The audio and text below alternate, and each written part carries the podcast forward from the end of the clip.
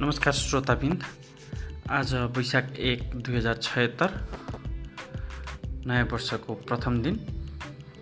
आइतबार आज।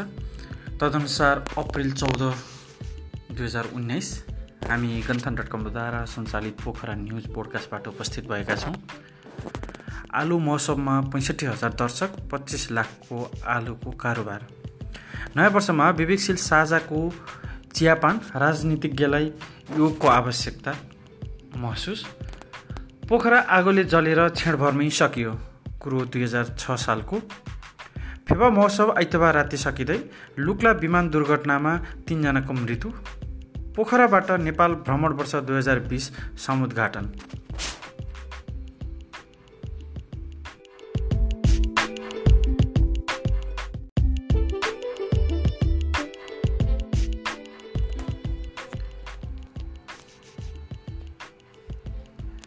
हेम्जा स्थित विष्णु पादुका क्लबको आयोजनामा चैत बाइस गतेदेखि सुरु दशौँ राष्ट्रिय हेम्जा आलु महोत्सव आइतबार सकिएको छ।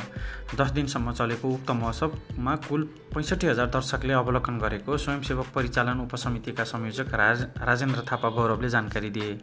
त्यस्तै महोत्सवमा कुल पच्चिस लाखको आलुको कारोबार भएको झाँकी तथा खरिद बिक्री उपसमितिका संयोजक जयराम तिमल सिन्हाको भनाइ छ। समापन समारोहलाई सम्बोधन गर्दै गण्डकी प्रदेश सभा सदस्य बिन्दु कुमार थापाले महोत्सवको सन्देशलाई देशैभर पुर्याउनु पर्नेमा जोड दिँदै हेम्जा कृषिका लागि गण्डकी क्षेत्रकै नमुना ठाउँ भएको चर्चा गरे। उनले प्रदेशले भू उपयोग नीति ल्याउने तयारी गरेको छ भन्दै जग्गाको खण्डीकरणलाई रोक्नुपर्ने तथा विशेषताका आधारमा जमिनको वर्गीकरण गर्नुपर्नेमा जोड दिए। विवेकशील साझा पार्टीले यसलाई पुनः सुन्नु होला।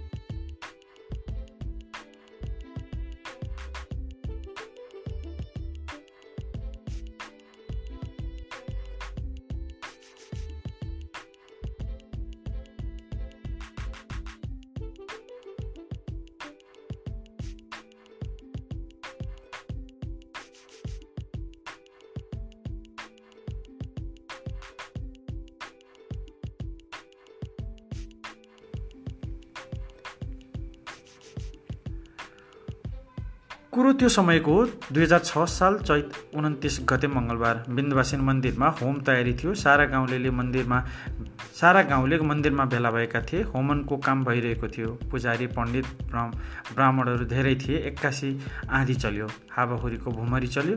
आँपको हाँगो भाँचिएर होमन कुण्डमा पर्यो। ब्राह्मणहरूले रुद्री गरेको ठाउँमा बोका काटेछन् भोग दिएछन् धर्म विपरीत काम गरेकोले अनिष्ट भएको भन्छन् सबै। होमन कुण्डमा आँपको हाँगो परेपछि त्यहाँबाट आगो उछिटिएर गाउँमा पस्यो। दिउँसो एक बजेदेखि साँझ पाँच बजेसम्म आगो तन्किरह्यो। बिन्दवासिनबाट छिरेको आगोले पोखराको चिप्लेढुङ्गासम्मको घर सखाप बनायो। घरले छाएका घर त खरले छाएका घर त बाँकी हुने कुरै भएन। ढुङ्गाले छाएका घर पनि सङ्लो रहेन। यो दुई हजार छ सालको कथा हामीले हाम्रो वेबसाइटमा प्रकाशित गरेका छौँ डिएनए डट कमको